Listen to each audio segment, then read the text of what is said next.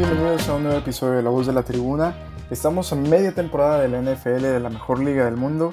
Semana tras semana, partido tras partido, y vemos nuevas caras, nuevos equipos que levantan la mano, los Philadelphia Eagles que siguen invictos. Y por el otro lado tenemos a los Bills y a los Chiefs como claros contendientes del lado de la americana. No podría ser de otra forma. Ian, ¿cómo estás? Bienvenido. Hola Aldo, muy bien, eh, emocionado una, nueva semana en, la NFL, eh, que se cerró el mercado de, de canjes eh, el pasado de 1 de noviembre, entonces que hubo bastantes cambios, de hecho hubo, récord en, toda la historia de, la NFL en era Super Bowl, 10 cambios ese día, y además los, ya mencionados antes, creo, que, creo que habrá que destacar algunos ahí. Así es, cerró recientemente la fecha de cambio, la fecha límite. Y también quería preguntarte precisamente de eso. Quería arrancar este episodio con los cambios. ¿Con cuáles te quedas? Por ejemplo, podríamos hablar de uno de los que hizo mucho ruido, que involucra a tus Steelers, Claypool, que se incorpora a los Chicago Bears. ¿Qué podemos mencionar de este? Yo creo que los Steelers ganan por bastante este, este cambio, al menos en el papel porque recupera la segunda ronda invertida en Claypool, eh, que fue un jugador que sí el primer año emocionó bastante aficionados a, todos nosotros, pero el segundo año vimos indisciplinas, vimos, vimos eh, drops, y este año hasta el juego contra Tampa fue que, fue que vimos un poco de mejoría de, de Claypool, pero realmente yo creo que es un jugador que, que no valía esa segunda ronda, tal vez una tercera con buscándole, rascándole mucho, pero yo no me he dado más de una cuarta o quinta. Por un jugador que ha demostrado enormes altibajos. De, de cajón, eh, uno de los primeros movimientos importantes de, de Omar Khan como general manager de estos Pittsburgh Steelers y, me, gusta, me gusta que, que, lo haya hecho así. Además de que, pues pensarías que la posición queda descubierta, pero no, realmente tienes ahí a Deontay Johnson, al novato George Pickens, que creo que él va a ser el receptor número uno eh, durante varios años en Pittsburgh. Eh, se, ve diferente la cara ahí. Y además con los complementos que tienes detrás, ¿no? Como Miles Boykin, eh, un jugador que si bien no es este estrella, llega, llega a complementar bastante bien este, este roster. Además de tener a los alas cerrada en Pat Frymouth, Tag Gentry, entonces la posición no me preocupa tanto, además de que sé que seguramente el próximo draft van a tomar alguno, algún sector eh, como es costumbre en segunda ronda, les encanta tomar receptores. Entonces, eh, veremos qué tal pasa. Sí, fue un cambio interesante, un cambio que lo platicábamos también en la semana, que me decías que lo tomas una y siempre es más. Pero también hay otros cambios en la liga que llegaron. Por ejemplo, hay un cambio importante que me parece que hacen los Baltimore Ravens, que toman a Rocon Smith, que es de lo mejor de los Chicago Bears, era lo mejor de los Bears, y sin lugar a dudas siento que para los Ravens es una adición importante. ¿Tú cómo ves esta parte de los Bears, de sacar sus piezas? Siento que también influye mucho el que eh, es un jugador que no le iban a llegar al precio, es un jugador que estaba pidiendo bastante para una extensión de contrato, incluso ya sonaba desde antes del inicio de la temporada, en la temporada baja, Desafortunadamente no llegan al precio, no llegan a lo que él pide. Y Chicago toma esta opción de mandarlo a otro equipo, de recuperar algo, eh, no quedarse con las manos vacías porque próximamente iba a ser agente libre. ¿Tú qué piensas de esta edición de los Ravens? Eh, mi idea de los Ravens es una eh, edición excelente, sobre todo porque se, tiene el concepto de que los Ravens son un equipo súper defensivo y se, ve bien siempre, pero realmente el talón de Aquiles de este equipo ha sido la defensiva durante los últimos tres años ha sido terrible esta defensiva de Baltimore. Y creo que la. ¿Sabes qué? O sea, lo, que más atención es con el talento que tiene ahí, ¿no? Eh, por mencionar algunos jugadores, Marcus Peters, eh, tienes a, Marlon Humphrey, a Calais Campbell, eh, Justin Madubuike, a primeras rondas como Patrick Quinn, el reciente, el reciente también primera ronda en Cal Hamilton. Y tú escuchas esos nombres pensar, y pensarías que Baltimore está en la defensiva, pero realmente sufre y sufre bastante este equipo, eh, para, tanto para detener la carrera como para, sobre todo el pase. Los últimos dos años ha sido de las, el, año pasado fue la peor contra el pase y el antepasado, si no me equivoco, fue de las peores tres. Entonces, eh, realmente ha sufrido bastante y Rocco Smith llega, llega como líder taqueador de la NFL a, a estos Ravens. Mm, como bien lo mencionas, es que la defensiva de Chicago era, se llamaba Rocon Smith. No, no había otro, no había otro jugador ahí que. Bueno, él y Robert Quinn, que Robert Quinn también salió por una cuarta ronda a Filadelfia. Eh, anteriormente a Rocon Smith. Y, y, además de todo, me llama mucha atención lo, lo relativamente barato que sale Rocon Smith para Baltimore. Solo dos picks duraba una segunda y una quinta ronda. Y eso me, me generaba mucho ruido. Yo creo que es un error de, de los Bears. Eh, sobre todo si piensas construir alrededor de Fields algún equipo competitivo, ¿no? Mm, lo de Quinn lo, lo, entendía un poco, digo, es, un jugador con mucho talento, pero al final de cuentas ya es un poco más veterano y sí había que sacarle algo. La de Robert Smith es, es un jugador que entraba a su quinto año en la NFL, 25 eh, o 26 años de edad, 25 años de edad. Este, entonces todavía le quedaba, además la posición en la que juega, pues todavía le quedan al menos otros seis años de un nivel espectacular de, de, a este jugador. Y, y, yo creo que hay veces que tienes que ser, como, como equipo debes de ceder a tus jugadores, ¿no? Yo no me imagino que los Steelers hubieran hecho eh, eso con TJ Watt. El que TJ Watt en algún momento pidió esa extensión de contrato, que afortunadamente se la dieron, pero, pero yo creo que mm, ese tipo de jugadores no valen ni tres primeras rondas, vaya, o sea, son jugadores que son clutch y que necesitan estar ahí. Pero bueno, eh, a final de cuentas, los Bears no lo vean así y dejan ir a, a, su mejor linebacker, a un jugadorazo y, a una gran adición para Baltimore. Vamos a ver si por fin con todas estas estrellas que tiene la defensiva de Baltimore puede, puede, puede mejorar. Mm.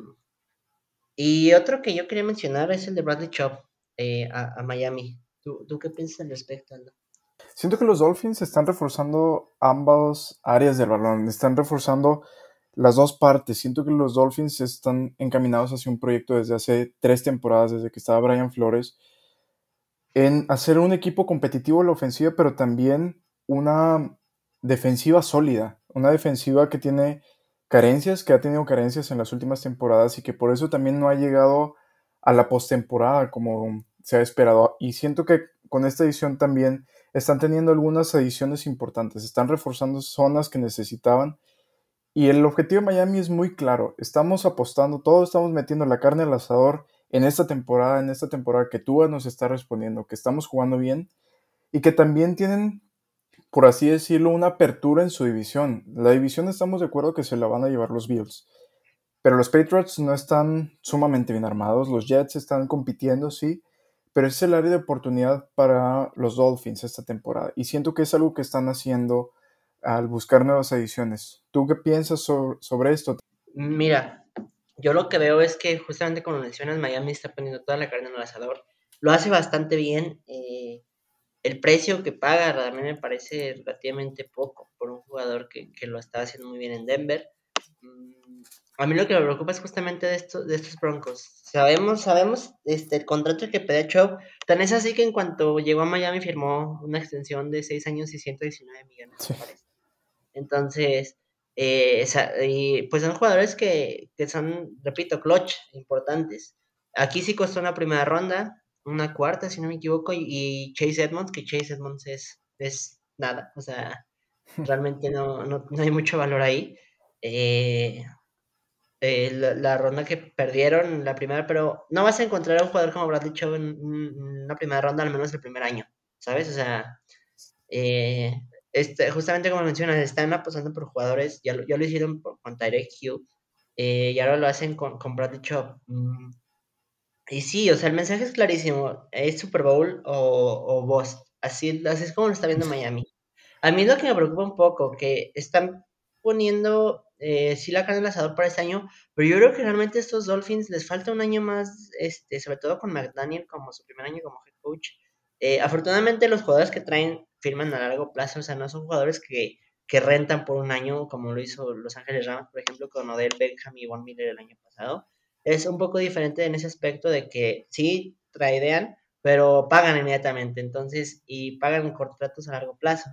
Eh, entonces, yo creo que si no es este año, tampoco es que Miami eh, ya, ya no sirve porque, como, lo que te menciono, o sea, todavía tiene jugadores con contratos largos. Eh, estas dos grandes adiciones en Tariq Hill este año y Bradley Chubb. Entonces, me, me, yo guardaría un poquito de paciencia Pero sí, creo que, creo que lo hacen bien. Y creo que solo falta responder un poco más a Tua. Es, es lo único que yo tendría que decir aquí. También algo importante de los Dolphins, Ian, es que su defensiva ha mostrado muchas carencias esta temporada. O sea, en la ofensiva han demostrado ser un equipo sólido, un equipo que te puede anotar. Pero también es un equipo al que le puedes anotar. Lo vimos la semana pasada frente a los Lions. Estuvieron muy cerca de perder ese partido por la incapacidad de la defensiva en algunos puntos del partido. Y ya lo habíamos platicado también de los Lions, que es un equipo que anota en rachas y que después se seca. Así pasó la semana pasada frente a los Dolphins y siento que están reforzando un área importante. Siento que las armas a la ofensiva de estos Dolphins ya están, ya las tienes. A la defensiva es donde te falta armarlas y poco a poco lo, lo vas haciendo. Pero te das cuenta la importancia que tienen los picks en esta NFL moderna, en esta NFL donde incluso una segunda ronda es mucho, mucho, mucho, muy valiosa. O sea, a comparación de otros años, y las clases de draft cada vez vienen siendo más avanzadas y vienen siendo incluso una nueva forma de jugar. Lo platicábamos en episodios pasados. Es una NFL que está evolucionando y que está en constante cambio, que no es tan estática y no son jugadores, por ejemplo, pesadas o que no, jugadores pesados, perdón, que no, no es tanto una NFL estática, por ejemplo, con los quarterbacks, en donde es un quarterback con pies de plomo, tú lo decías, sino que cada vez hay una mayor evolución en el juego y por eso los equipos también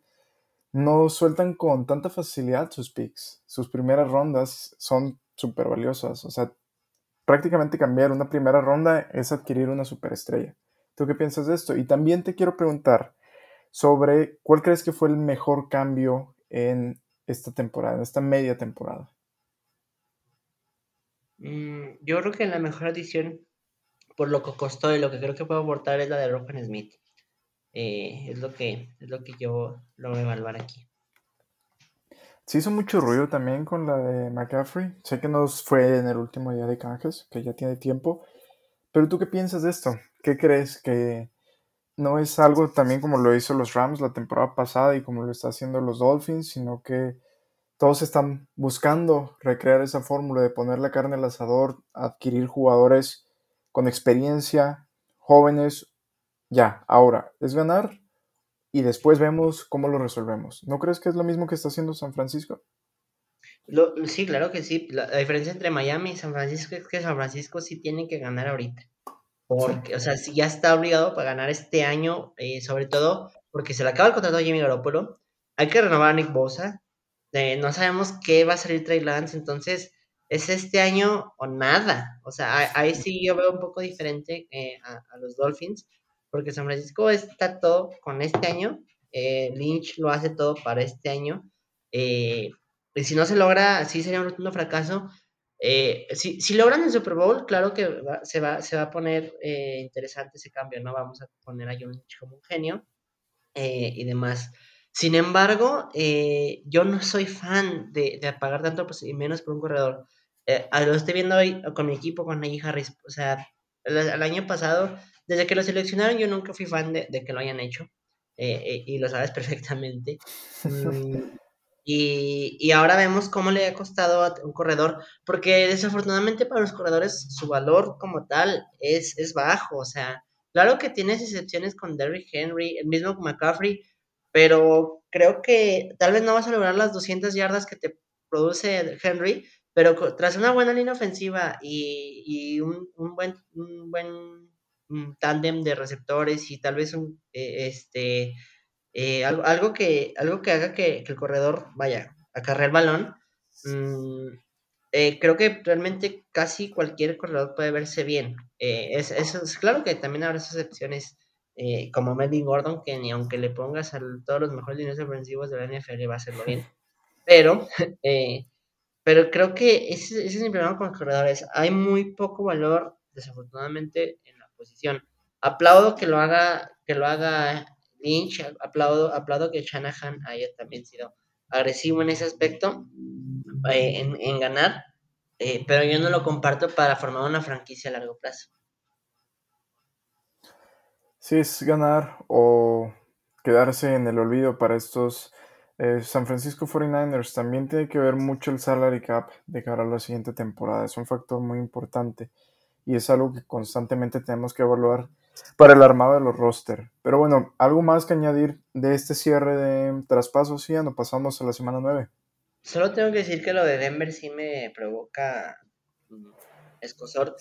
¿Por qué tiras? Entiendo que se ha visto muy mal Russell Wilson, entiendo que sí se ve complicado que, que este año hagan algo, eh, sobre todo con Hackett ahí, pero ¿por qué tiras a la basura esto? Es, lo que, ¿Por qué tiras a la basura a un gran jugador? Sí, recibes una primera ronda para construir alrededor de... Pero para mí Denver salió perdiendo en ese cambio con, con Miami y sí tengo que criticar esa parte porque a diferencia de San Francisco, Denver ya lo hace como que eh, eh, 2022, vamos, vamos por 2023, o sea, y yo no soy tanto de esas ideas, pero ok, eh, vamos a ver si para 2023 esto le funciona a los Broncos. Y es un tema importante también porque los Broncos, con la adición de Russell Wilson, también pusieron bastantes picks, también soltaron ahí en el mercado algunas piezas importantes. Entonces, como que tan pronto la idea de tener un equipo sólido al menos para esta temporada, para el 2022, decir, ok, a, los, a la semana 8, no va a ser esta, nos vamos a la siguiente temporada. Es como que viejo, armaste un equipo que para muchos era de hype y que era un super equipo que iba a competirle a los mejores en la americana, que sí, que no. Y a final de cuentas, en la semana 8 terminas tirando las cosas para la siguiente temporada. Es algo de preocupar también para los Broncos. Y sí, esta temporada está pues, prácticamente en el olvido. Están 2-5 con un récord perdedor. Son el peor equipo no, 3-5, perdón. El peor equipo de su división son los Raiders. Entonces se ve muy, muy lejana la posibilidad de entrar a la fiesta grande de cara al cierre de la temporada, pero pues sí, es, un tema de preocupación para estos Broncos. Sin más, Ian, ¿qué te parece si nos pasamos a los partidos del domingo? Ya, ya vimos el invicto aún de los Philadelphia Eagles que ganaron. ¿Cómo viste ese partido? Eh, mira, por un momento incluso los Texans metieron sustos, ¿no? A, estos Eagles. Pero, pero no, se vio ya en, algún momento, oye, Filadelfia iba a estar bien. Eh, al momento que llega este 21-14, eh, a partir de ahí ya realmente fue como algo de trámite el partido. Y pues creo que es normal, te digo, o sea, no vas a ganarles por 40 puntos cada semana es, es algo que progresivamente va, va a salir bien. Y del lado de los Texans, pues sí, ellos están pensando, yo creo que en 2024, no, no creo que en 2023 alcancen a hacer algo tampoco. Entonces ya están pensando mucho más a futuro estos Texans. los Texans, que semana a semana nos dan de qué hablar. ¿Crees que, por ejemplo, los Eagles, en caso de irse 17-0, que es muy difícil, los echen en la primera, en el primer partido de postemporada en la ronda eh, divisional. Eh, lo que pasa es, depende mucho si para la semana 18 ya sentaron titulares, eh, también depende el rival. Si, si, si me pones un Filadelfia que se fue invicto, que dejó descansar a los titulares en la semana 18, contra un Tom Brady, yo le voy a apostar a Tom Brady. O sea, ese, es mi punto, ¿sabes? Eh, o contra un San Francisco, eh, contra Dallas, ¿no? pero, pero algo contra los Rams. Eh, no creo que los Rams lleguen. Honestamente, no creo que los Rams lleguen. Pero, pero sí, o sea, no, no me, no me siento. Es que creo que lo hacen bien Filadelfia porque tienen talento joven. Y además de que el hueco de la nacional es, grande para saber quién va a ser el verdadero contendiente. Entonces yo sí veo un escenario en el que se van 17-0, que es complicado, pero se pueden ir 17-0, pero ah, se van en, en duelo divisional. La ronda divisional. Sí, los Eagles que eran nuestro caballo negro al inicio de la temporada y creo que han respondido bien. Siento que ahora mucha gente se está subiendo el barco y creo que tampoco es un equipo que digas es claro contendiente. O sea, tiene muchas carencias también. No es un equipo sumamente sólido ni perfecto. Y creo lo mismo del lado del americano por parte de los Bills y los Chiefs. Todos tienen una pata de la que cojean. Pero bueno, iniciamos ahora sí, Ian, con la semana 9. Dos equipos surgidos de ganar, los Rams frente a los Buccaneers. ¿Qué podemos esperar de ese partido? ¿Con quién vas? Como bien lo mencionas, dos equipos surgidos de ganar. El... Voy a empezar de lado de Los Ángeles. Qué feo partido la semana pasada estos Rams dieron en contra de, los 49ers. Eh, yo pensé que iba a ser más cerrado el encuentro, pero realmente San Francisco de principio a fin eh, los dominó. Los dominó y los dominó de manera brutal. Mm, a mí lo de Stafford me sigue llamando mucha atención como de pases. Esta, esta vez no, no, perdió el balón, pero, pero sí, como, como falla los pases, no llegan ni las 200 yardas eh, lanzadas. Y eh, lo que les cuesta mover el balón por tierra es impresionante. Ronnie Rivers, 21 yardas, Darrell Henderson, 16, Cooper Cup, 10 yardas, Malcolm Brown, otras 10 yardas. O sea, realmente te das cuenta de lo difícil que es mover el balón para estos Rams. Eh, la línea ofensiva está jugando asquerosamente mal. Y sí, la jugada de engaño con McCaffrey, también a, Ayuk, ah, nos muestra cómo esta defensiva ha hecho malas cosas durante la temporada y creo que estos, estos Rams realmente, realmente son difíciles incluso de, ver. Mm, del lado de, Tampa, eh, mira, la semana pasada estuve a punto de, por un momento, de remontar otra vez a Baltimore. Eh, que digo, tampoco es como que que no se haya visto antes, pero sigue habiendo carencias terribles, sobre todo, igual que en Los Ángeles, el ataque terrestre es inexistente. Eh, Tom Brady de repente tiene estos lagunas mentales, Mike Evans eh, lo mencionaba la semana pasada, se ve bien padre sus números con sus recepciones y 123 yardas, pero tiró al menos dos pases otra vez este, este jugador y, y sí tienen ese tipo de carencias. Mm, te, mencionaba que Tampa tiene esa ventaja enorme de estar en el sur de la, de la nacional. Eh, y bueno, con todo esto también el coaching de Bowles a veces, eh, no a veces, ha sido bastante deplorable. Mm, yo era de los que le creía, bueno, no hace una oportunidad para Todd Bowles con un equipo mucho mejor armado, lo puede hacer bien. Y realmente le, ha batallado terriblemente en toma de decisiones. Cuando tiene que ir, no va. Cuando no tiene que ir, va. Eh, eh, no, sabe, no, lee bien el partido. Y sí me preocupa mucho de estos, de estos Buccaneers. Pero con todo y todos sus defectos, me tengo que quedar con Tom Brady y me tengo que quedar con el local. Yo creo que Tampa va a ganar. Son favoritos por 2.5 puntos. ¿Los tomas? Eh, pues sí, sí veo que un gol de campo será la diferencia en este partido. Sí, un partido cerradito. Hay algo que mencionas también del ataque terrestre de los Buccaneers. Estamos de acuerdo que desde 2020 la primera oportunidad de los Bucks siempre es correr el balón, ir por tierra. De verdad, veo los partidos y digo, van por tierra. Y es así, no cambian, es algo que no ha cambiado y es algo que ya está sumamente descifrado que todo el mundo sabe que el primer down va a ir por tierra. ¿No crees que es algo que también está quitándole mucha oportunidad de juego a estos Buccaneers? Sí, definitivamente. También Byron Leftwich ha tenido partidos eh, un poco dudosos en cuanto a pay calling eh, y es algo que tiene que mejorar. Eh, si ya sabes que vas a correr, además el bajo nivel que te está mostrando Leonard Fournette es, una, es una clave para el fracaso.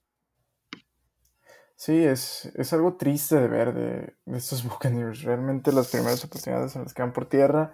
Y lo que mencionas de Fournette también, un rendimiento muy bajo y que se suma a la lista de jugadores que nos han quedado de ver en esta temporada.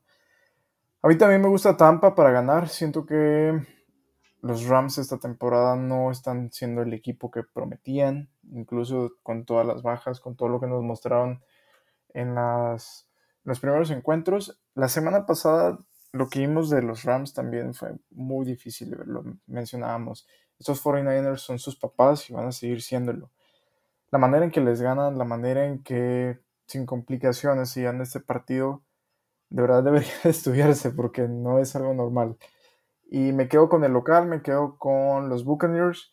También hay un tema de morro hasta cierto punto por la reciente separación de Tom Brady, que dicen, ok, ya se separó, vamos a ver cómo jugó, estaba eh, desconcentrado, no estaba en su 100%, vamos a ver qué tal. Y yo siento que este es pues un pareo complicado para los dos porque son equipos que necesitan ganar. No es una semana sencilla para ninguno, sobre todo porque ambos vienen urgidos y es, es complicado. Siento que va a ser un partido cerrado por algunos momentos, muy lento, por algunos momentos difícil de ver como lo mencionas, pero que a final de cuentas es un partido que se va a quedar para los locales, se va a quedar para los Buccaneers. Me quedo con eso y compro la línea. El siguiente partido, Ian, nos pasamos a otro partido que es un duelo divisional entre Seattle Seahawks frente a Arizona Cardinals. ¿Qué podemos esperar de este partido? Un partido que seguramente nos vamos a llevar la contra. Un, partido, un partido del cual eh, el MVP Gene Smith eh, lo está haciendo espectacularmente bien. Lo de Pete Carroll, eh, ya me cansé de halagarlo durante esta temporada. Eh, qué manera de neutralizar el ataque de los Giants. Eh, otra vez lo de Carroll es impresionante. Eh, Kenneth, Walker, eh, si bien le batalló un poco para correr la semana pasada, dijo, no te preocupes, yo aquí estoy, dice Jen Smith a Kenneth Walker y, saca el partido otra vez. Mm, mm, otra vez también con las capturas a Daniel Jones del lado defensivo. Tariq Woolen sigue en un, en un nivel muy bueno. También lo, lo, de la reciente edición de agencia libre proveniente de los Chargers, Ukenan Wusu con sus dos sacks eh, y Boye Mafe. O sea, es que creo que estos equipos lo están haciendo bien. O sea, el coaching con el talento, que al menos se veía que era poco al principio de la temporada, eh, llama mucha atención cómo estos, estos Seahawks eh, van saliendo adelante. Y, y yo todavía no estoy dispuesto a decir que van a ganar su división, pero sí estoy dispuesto a decir que van, nos vamos a topar en playoffs eh, con el nivel que está teniendo Gene Smith. Además de que ahora sí le ganan a, un equipo también, pues venía 6-1 hasta, hasta la semana pasada. Entonces, eh, algo tuvieron que haber hecho bien esos Giants para ir 6-1. Mm, y Pete Carroll le ganó la partida de Bowl. Y todos los aplausos y mérito que se merece. Del otro lado, tenemos a Chris Kingsbury eh, que si bien creo que tiene un equipo talentoso, eh, de Andre Hopkins juega mucho mejor, perdón, Kyler Murray juega mucho mejor teniendo a de, Hopkins en el campo, eso no me queda ninguna duda. Eh, de hecho, los números se ven bastante bonitos, aunque vemos las dos intercepciones de, de Kyler Murray terribles, o sea, ambas, sí te deja mucho que desear. pues mira, Minnesota mientras juegan a las 12 creo que no hay ningún problema, o sea, van a seguir ganando estos, estos Vikings. Ojalá el Super Bowl y los playoffs sean a las 12 del mediodía para... para... Y que sean por televisión nacional. Exacto. Mientras sea eso, eh, Kirk Cousins va a ganar, se los garantizo. Entonces, eh, y me preocupa mucho lo de Kingsbury. Yo cada vez dudo más o que llegue a México o que regrese de México este Kingsbury. O sea, entiendo el talento que tienen esos Cardinals, pero, pero realmente con Kyler Murray ahí, que ha sido un dolor de gónadas para Chris Kingsbury, o sea, cómo le grita a, Kingsbury una y otra vez. Si nosotros vemos en un partido, o sea, en pleno partido, cómo, hay esta pelea entre estos dos, no me quiero imaginar cómo son los entrenamientos de los Cardinals. O sea, lo que no vemos. No sé, no sé realmente. Ahora entiendo esa cláusula de rescisión eh, de contrato de, estos Cardinals. De tienes que estudiar, mijo, porque tienes que sacar 10 en la escuela. Eh, ahora entiendo, ahora entiendo a, los Cardinals, pero también me parece estúpido que hayan renovado si, si vemos la actitud de este jugador. Un jugador que no hace equipo y que ha dejado mucho que desear. Yo me quedo eh, con estos con estos Seahawks. además, si, la si el año pasado también tuvimos unos muy malos eh, encuentros entre estos Cardinals y sobre todo el mal desempeño entre Arizona y los Seahawks eh, y ya se enfrentaron la primera vez este, este año también. Victoria para que me imagino por ahí va tu contra, eh, que, que se van a ir 1-1. Yo realmente no creo después de ver ocho semanas a los Cardinals. Sí, los Cardinals esta temporada nos han dado muchísimas penas. A comparación de la temporada pasada en la que tuvieron un excelente inicio, irse 7-0, y que lo mencionábamos, es un equipo que está muy inflado.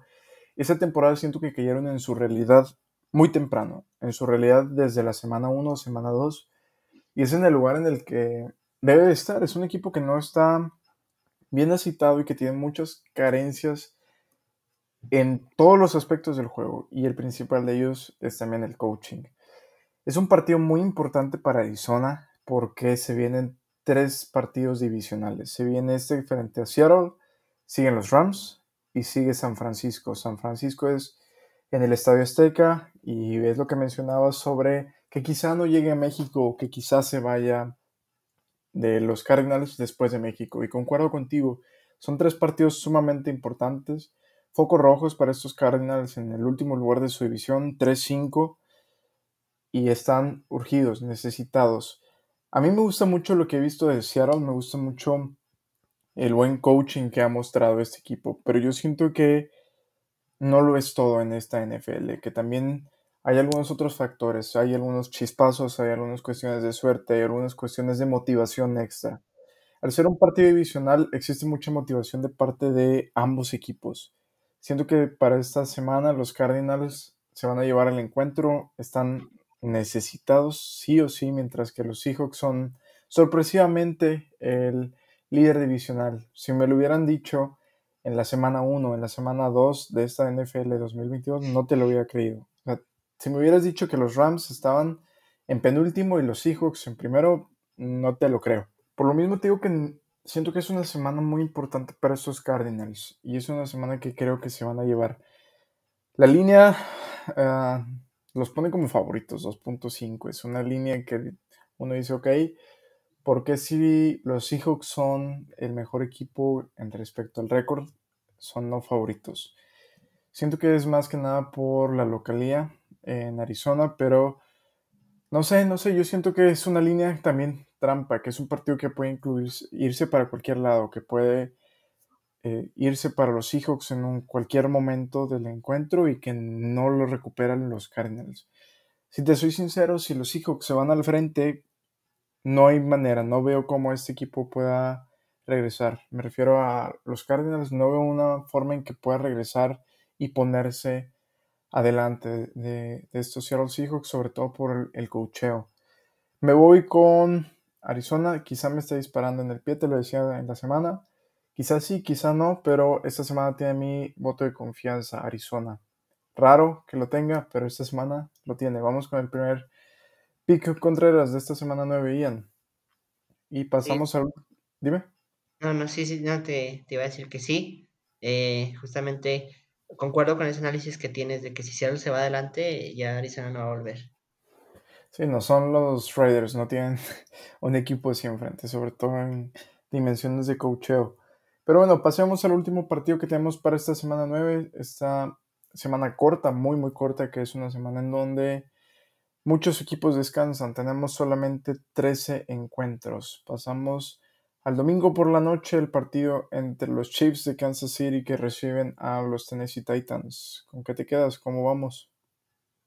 Eh, mira, lo mostrado en el último partido de Kansas City hace un par de semanas, porque hay que recordar que viene de un bye.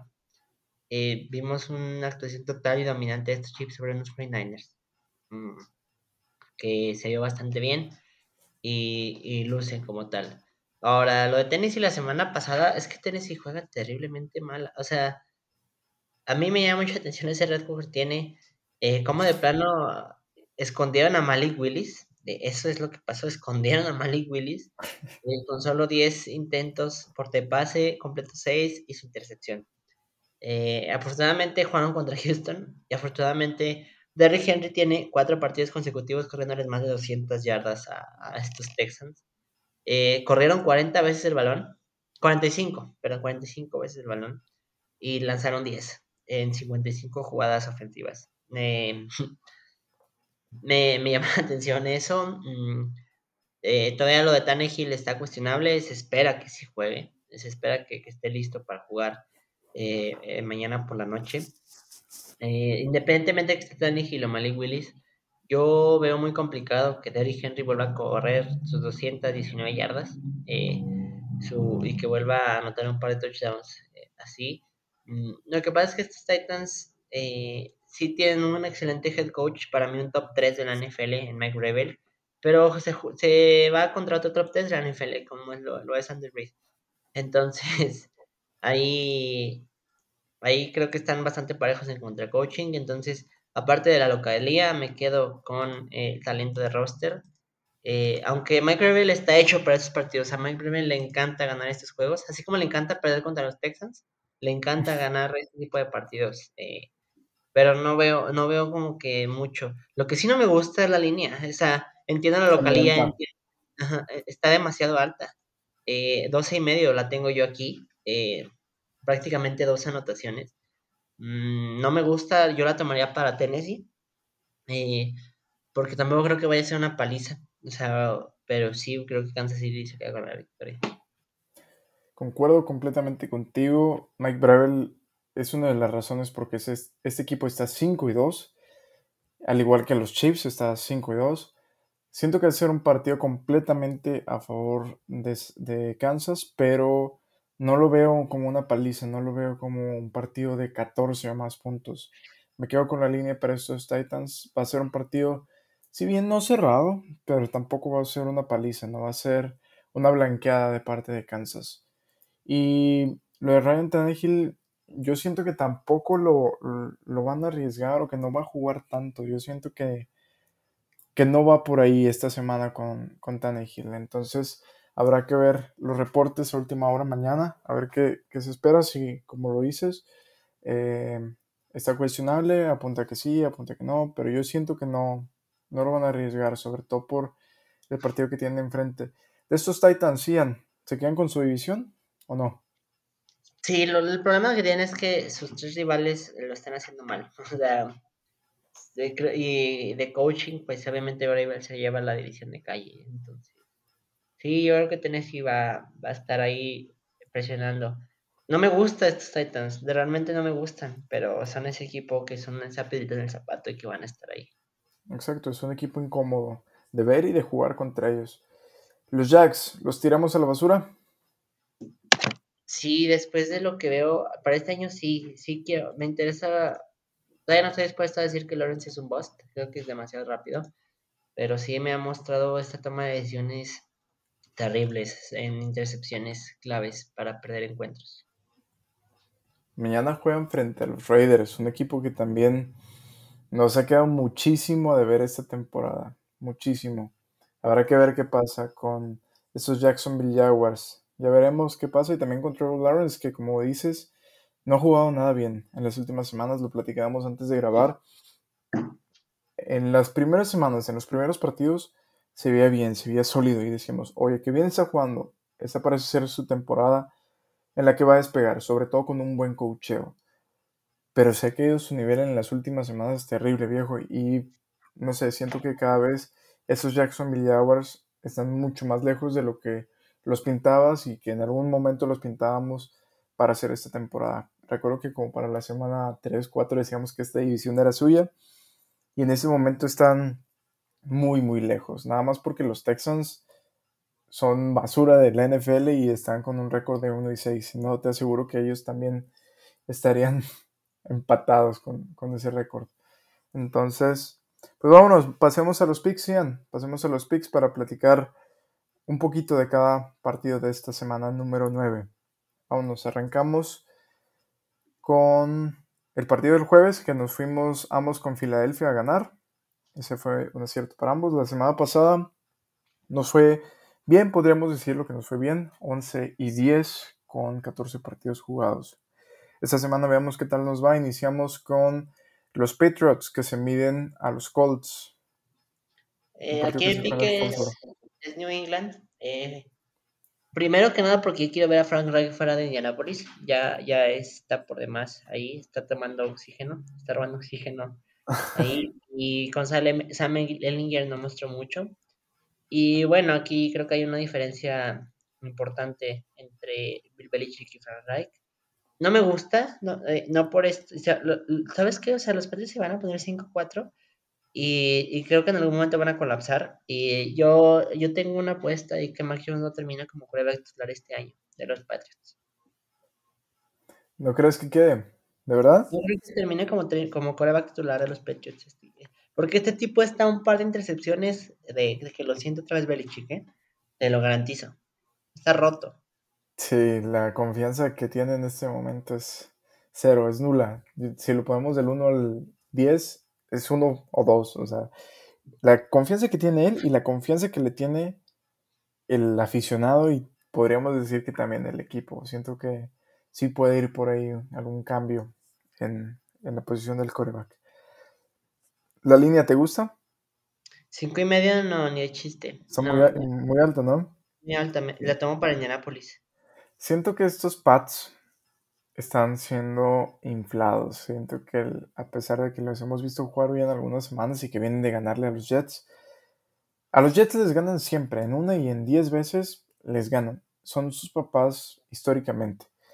Los Colts no han estado jugando bien, pero tampoco creo que haya una diferencia de estos Patriots para darle seis puntos. No es un equipo que vale o que le pueda regalar seis puntos ante cualquier rival.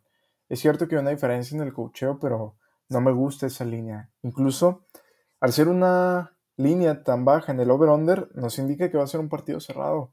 ¿Qué te gusta? Over-under, 40, muy, muy baja. Under, under, no, no. Yo veo un 17-14, un 20-17, viendo muchos puntos, o sea. Sí. y, y, lo que mencionas de que le ganaron los Jets, Zach Wilson perdió solito ese partido, tiró dos intercepciones terribles, terribles. Zach Wilson se, se vio muy mal, o sea, decisiones estúpidas, porque las decisiones que tomó fueron estúpidas, las intercepciones fueron muy tontas.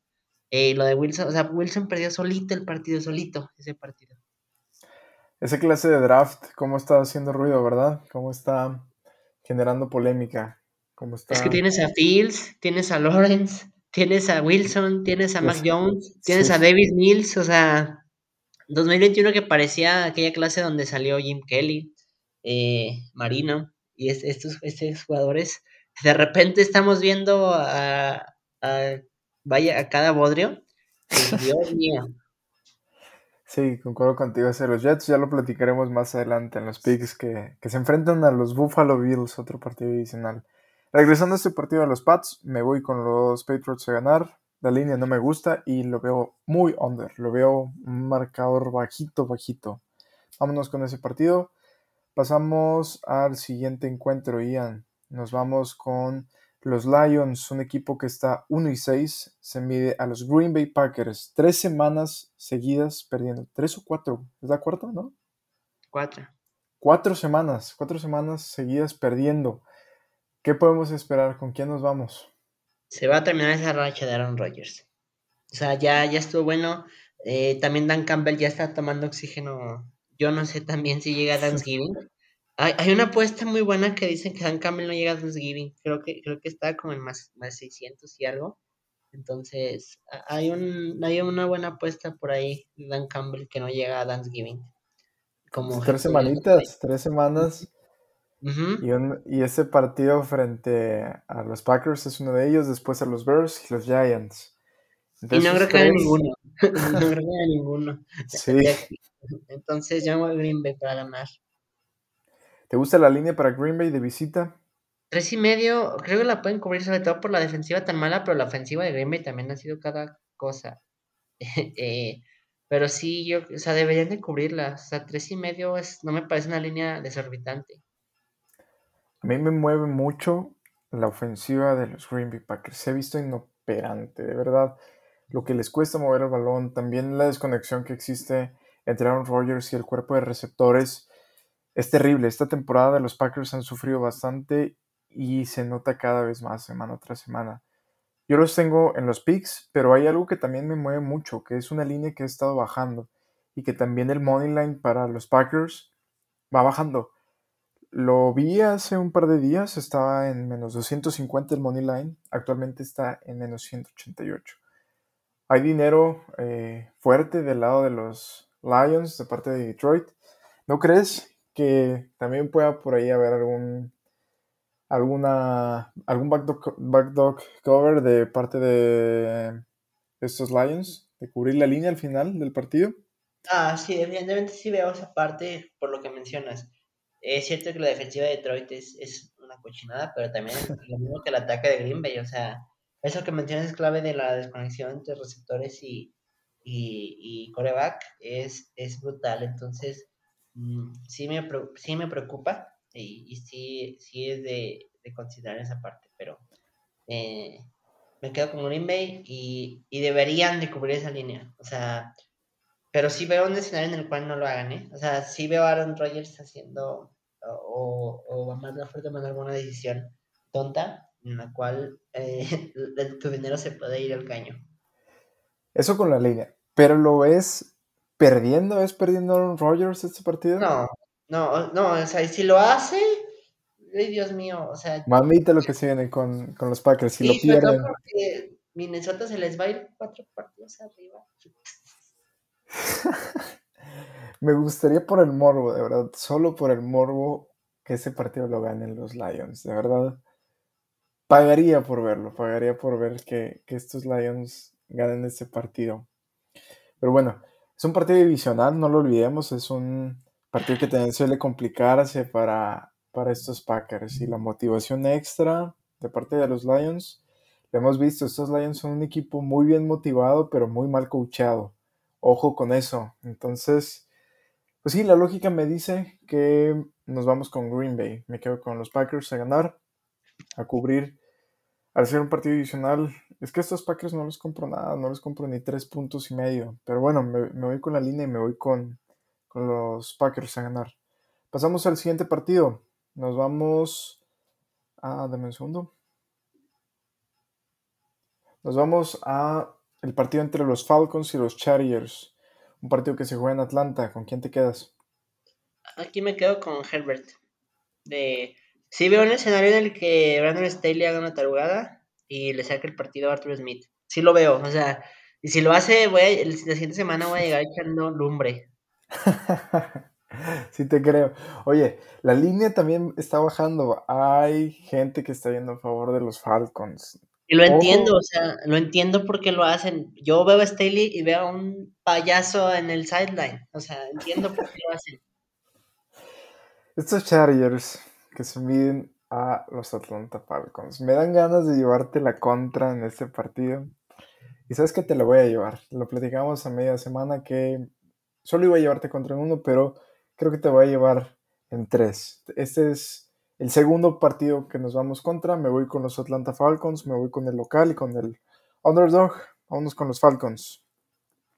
¿Qué te gusta? Over-under, 50 puntos, alto. Alto. Eh, no, yo creo que las defensivas ambas están para el perro y sí veo más de 50 puntos. Vámonos con el over, me quedo con los Atlanta Falcons. Me gusta la línea, me gusta todo. Tú te vas con los Chargers. Pasamos al siguiente partido, Ian. Otro partido del mediodía. Tenemos un partido divisional entre los Jets y los Bills. Partido que se juega en Nueva York. ¿Con quién nos vamos? Búfalo, Búfalo, Búfalo va, va, a estar ganando este encuentro. No me, no me encanta la línea. Sí veo, si, me pusiera 7, la compraría 12 y medio, no me gusta. Me quedo con Búfalo. Para ganar el partido, la línea para los Jets.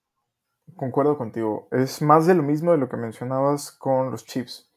Semana tras semana no puedes ganar por doble dígito en la NFL. No puedes ganar tan holgadamente.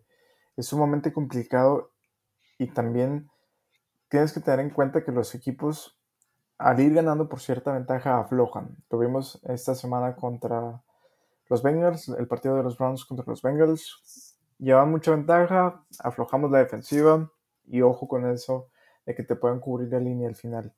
Yo me quedo con los Bills a ganar, el mejor equipo de la NFL hasta la semana 9, pero como te lo decía, es un equipo que también tiene algunos lastres, es un equipo que tiene algunas carencias y un talón de Aquiles. Entonces, veamos cómo se desarrolla este equipo. Siguiente partido. Este me huele a contra también, Ian. Washington recibe a los Minnesota Vikings. Partido de 12 del mediodía. No va por televisión nacional. ¿Con quién nos quedamos? Aquí va a ganar Rui Cousins. No tengo ninguna duda. Te das con Cousins. De las 12. No tengo duda. Cousins contra Taylor Heineke. Voy a tomar a Cousins siempre. Y más cuando nadie lo está viendo.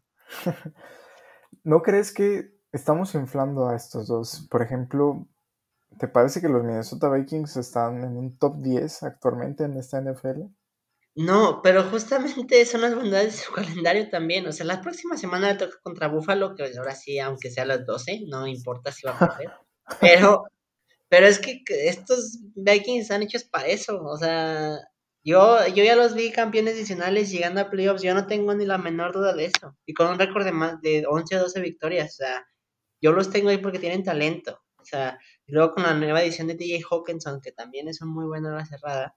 Eh, yo, yo, y además a los Commanders, eh, ese 4-4 para mí suena como muy engañoso. O sea, realmente eh, deberían estar todavía peor. Mm, además, nada que tenga a Snyder impregnado me cae bien. Entonces, yo tomo a Minnesota porque es, es un juego de las 12, es un juego que nadie va a ver. Y cuando acordemos, vamos a ver que Kirk lanzó eh, sus 350 yardas, sus tres touchdowns, a lo mejor su intercepción, porque también le encanta hacer eso.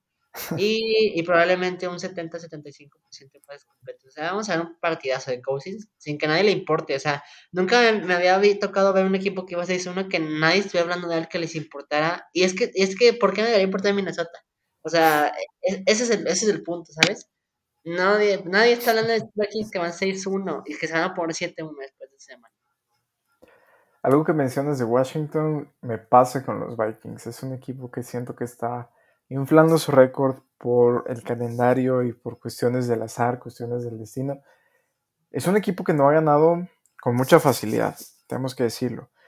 La semana pasada sí le ganan a los Cardinals, pero ha tenido partidos cerrados, ha tenido partidos complicados que no, no son de un contender, lo mencionas. Es un equipo que nadie le interesa ver a pesar de su récord. Y lo que hemos visto de Washington también, sí, tres victorias al hilo, pero que quieras o no, estos dos equipos están inflados en su récord y no sé, siento que es, es una regresión en este partido para alguno de los dos. Y yo quiero pensar que va a ser para los Vikings.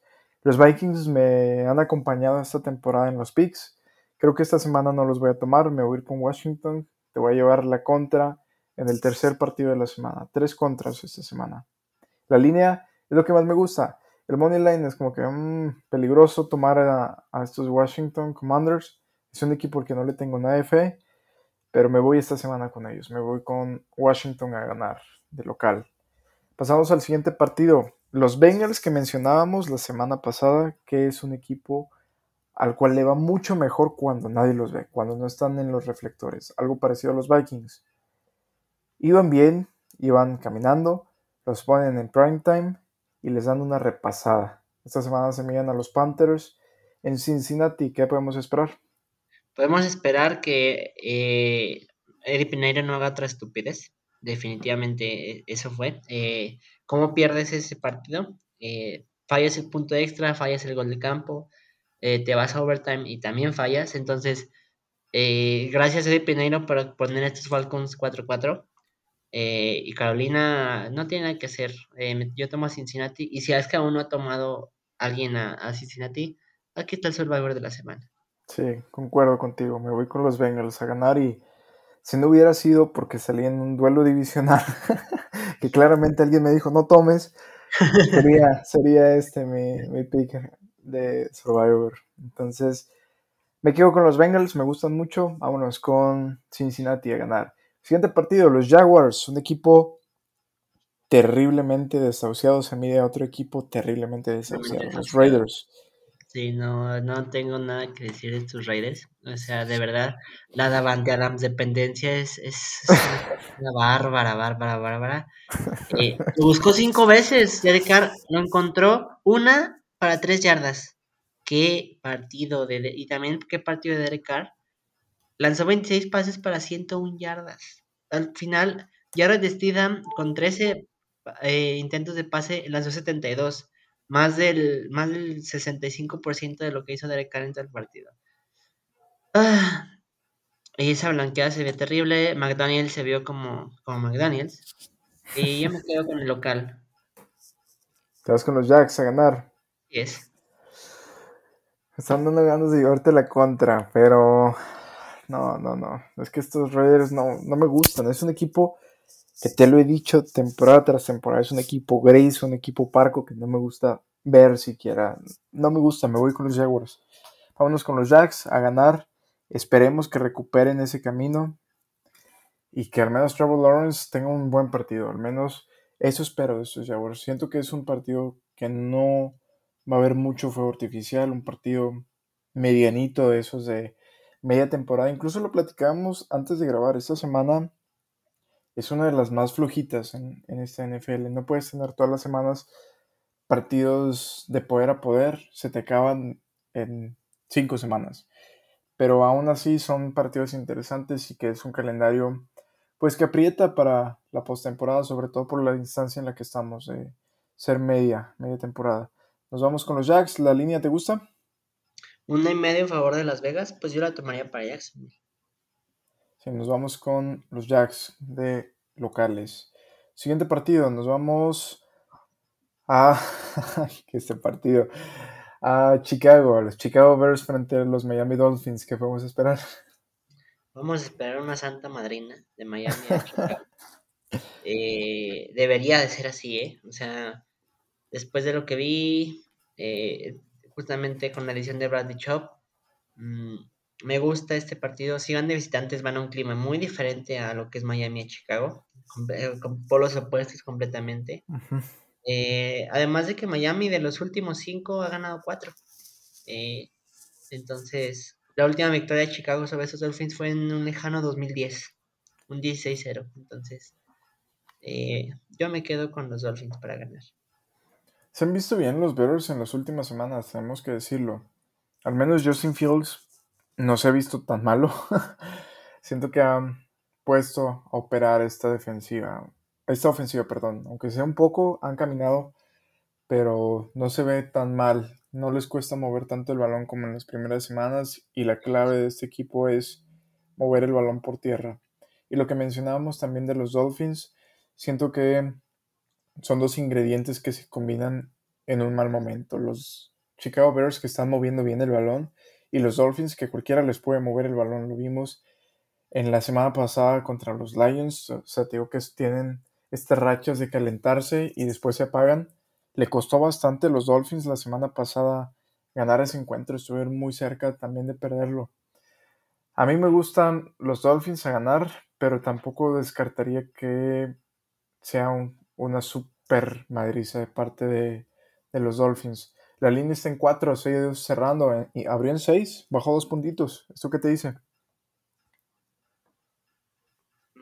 pues me dice que le están metiendo dinero ahí a, los Bears, entonces, eh, y entiendo de alguna manera, porque tú de repente tienes todos estos, estos partidos raritos, como el de los Steelers, por ejemplo, que le sueltan, que suelta balones, mm, le sueltan intercepciones más bien, eh, les daron cuatro eh, esos Steelers y, y, y sí, de repente puede tener esos arranques, por eso mismo es que también no considero realmente contendientes estos Dolphins, pero sí, no creo que pierdan nos vamos igual, nos vamos con los Dolphins a ganar, a cubrir, ¿los tomas? Cuatro puntos. Sí, sí, deberían de cubrir. Sí, siete puntos. O sea, yo sí le veo una diferencia de siete puntos a este encuentro. Sí, yo también me voy con los Dolphins a ganar y cubrir. Siguiente partido, partido de las 3 de la tarde, uno de dos en ese horario. Tenemos a los Cardinals que reciben a los Seattle Seahawks. Vamos con... Ya lo hablamos y es el tercer pick Contreras de este programa, de este episodio. Vas con Seattle, yo voy con los Cardinals. Otro partido que ya platicamos, segundo partido de las 3 de la tarde, Buccaneers frente a los Rams. Se queda la victoria en Tampa. Nos vamos con Tampa ambos. Partido de las 7 de la noche en prime time, domingo por la noche. Chiefs frente a los Titans, otro de los que ya hablamos. Mm, Kansas City gana. Kansas City gana y no cubre, se va la línea para los Titans. Cerramos la semana 9 con la visita de los Baltimore Ravens a los New Orleans Saints. ¿Con quién te quedas? Mm, Baltimore debería ganar y debería ganar contundentemente. Estoy hablando contundentemente por al menos 7 puntos. La línea está muy baja. está muy baja. A mí me encanta para tomarla para Baltimore. A mí me gusta la línea para Baltimore. Sí, yo concuerdo contigo. A pesar de que la línea baje y a pesar de que muchos expertos y demás aseguran que es un partido que va a ser para los Saints. No, no lo creo. Este partido es para Baltimore. Y no le tengo miedo a que le cubran otra vez o que le puedan remontar a, este equipo. Se ha visto mal, muy mal eh, New Orleans. Y Baltimore en algunos partidos también se ha visto mal y se ha visto con presión con respecto a cerrar partidos. Pero siento que no es el caso, me quedo con los Ravens a ganar y a cubrir este partido de visita. Dos puntitos. Más teniendo a Andy Dalton ahí. Sí, sí. Y, y lo vimos, Andy Dalton en primetime tampoco funciona. Otro Kirk Cousins. Ojo con eso. ¿Algo más, Ian, que se nos pase esta semana 9? Nos escuchamos en la semana 10. Nada más. Nos escuchamos en la 10. Nos escuchamos en la semana 10, cada vez acercándonos más, aceitando los equipos para llegar a la postemporada, para llegar al hombre bueno de esta NFL. Ian, compartamos tus redes sociales, por favor. Eh, claro que sí, me encuentras en Facebook como Ian Trejo, en Twitter como Trejo Ian y en, Instagram como Trejo Ian, perdón, y en Twitter como Ian Trejo 4. Ahí me encuentran en todos lados como arroba 13 sin más.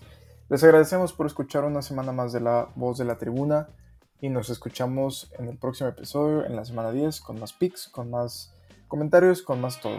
Ánimo, nos vemos en la cancha.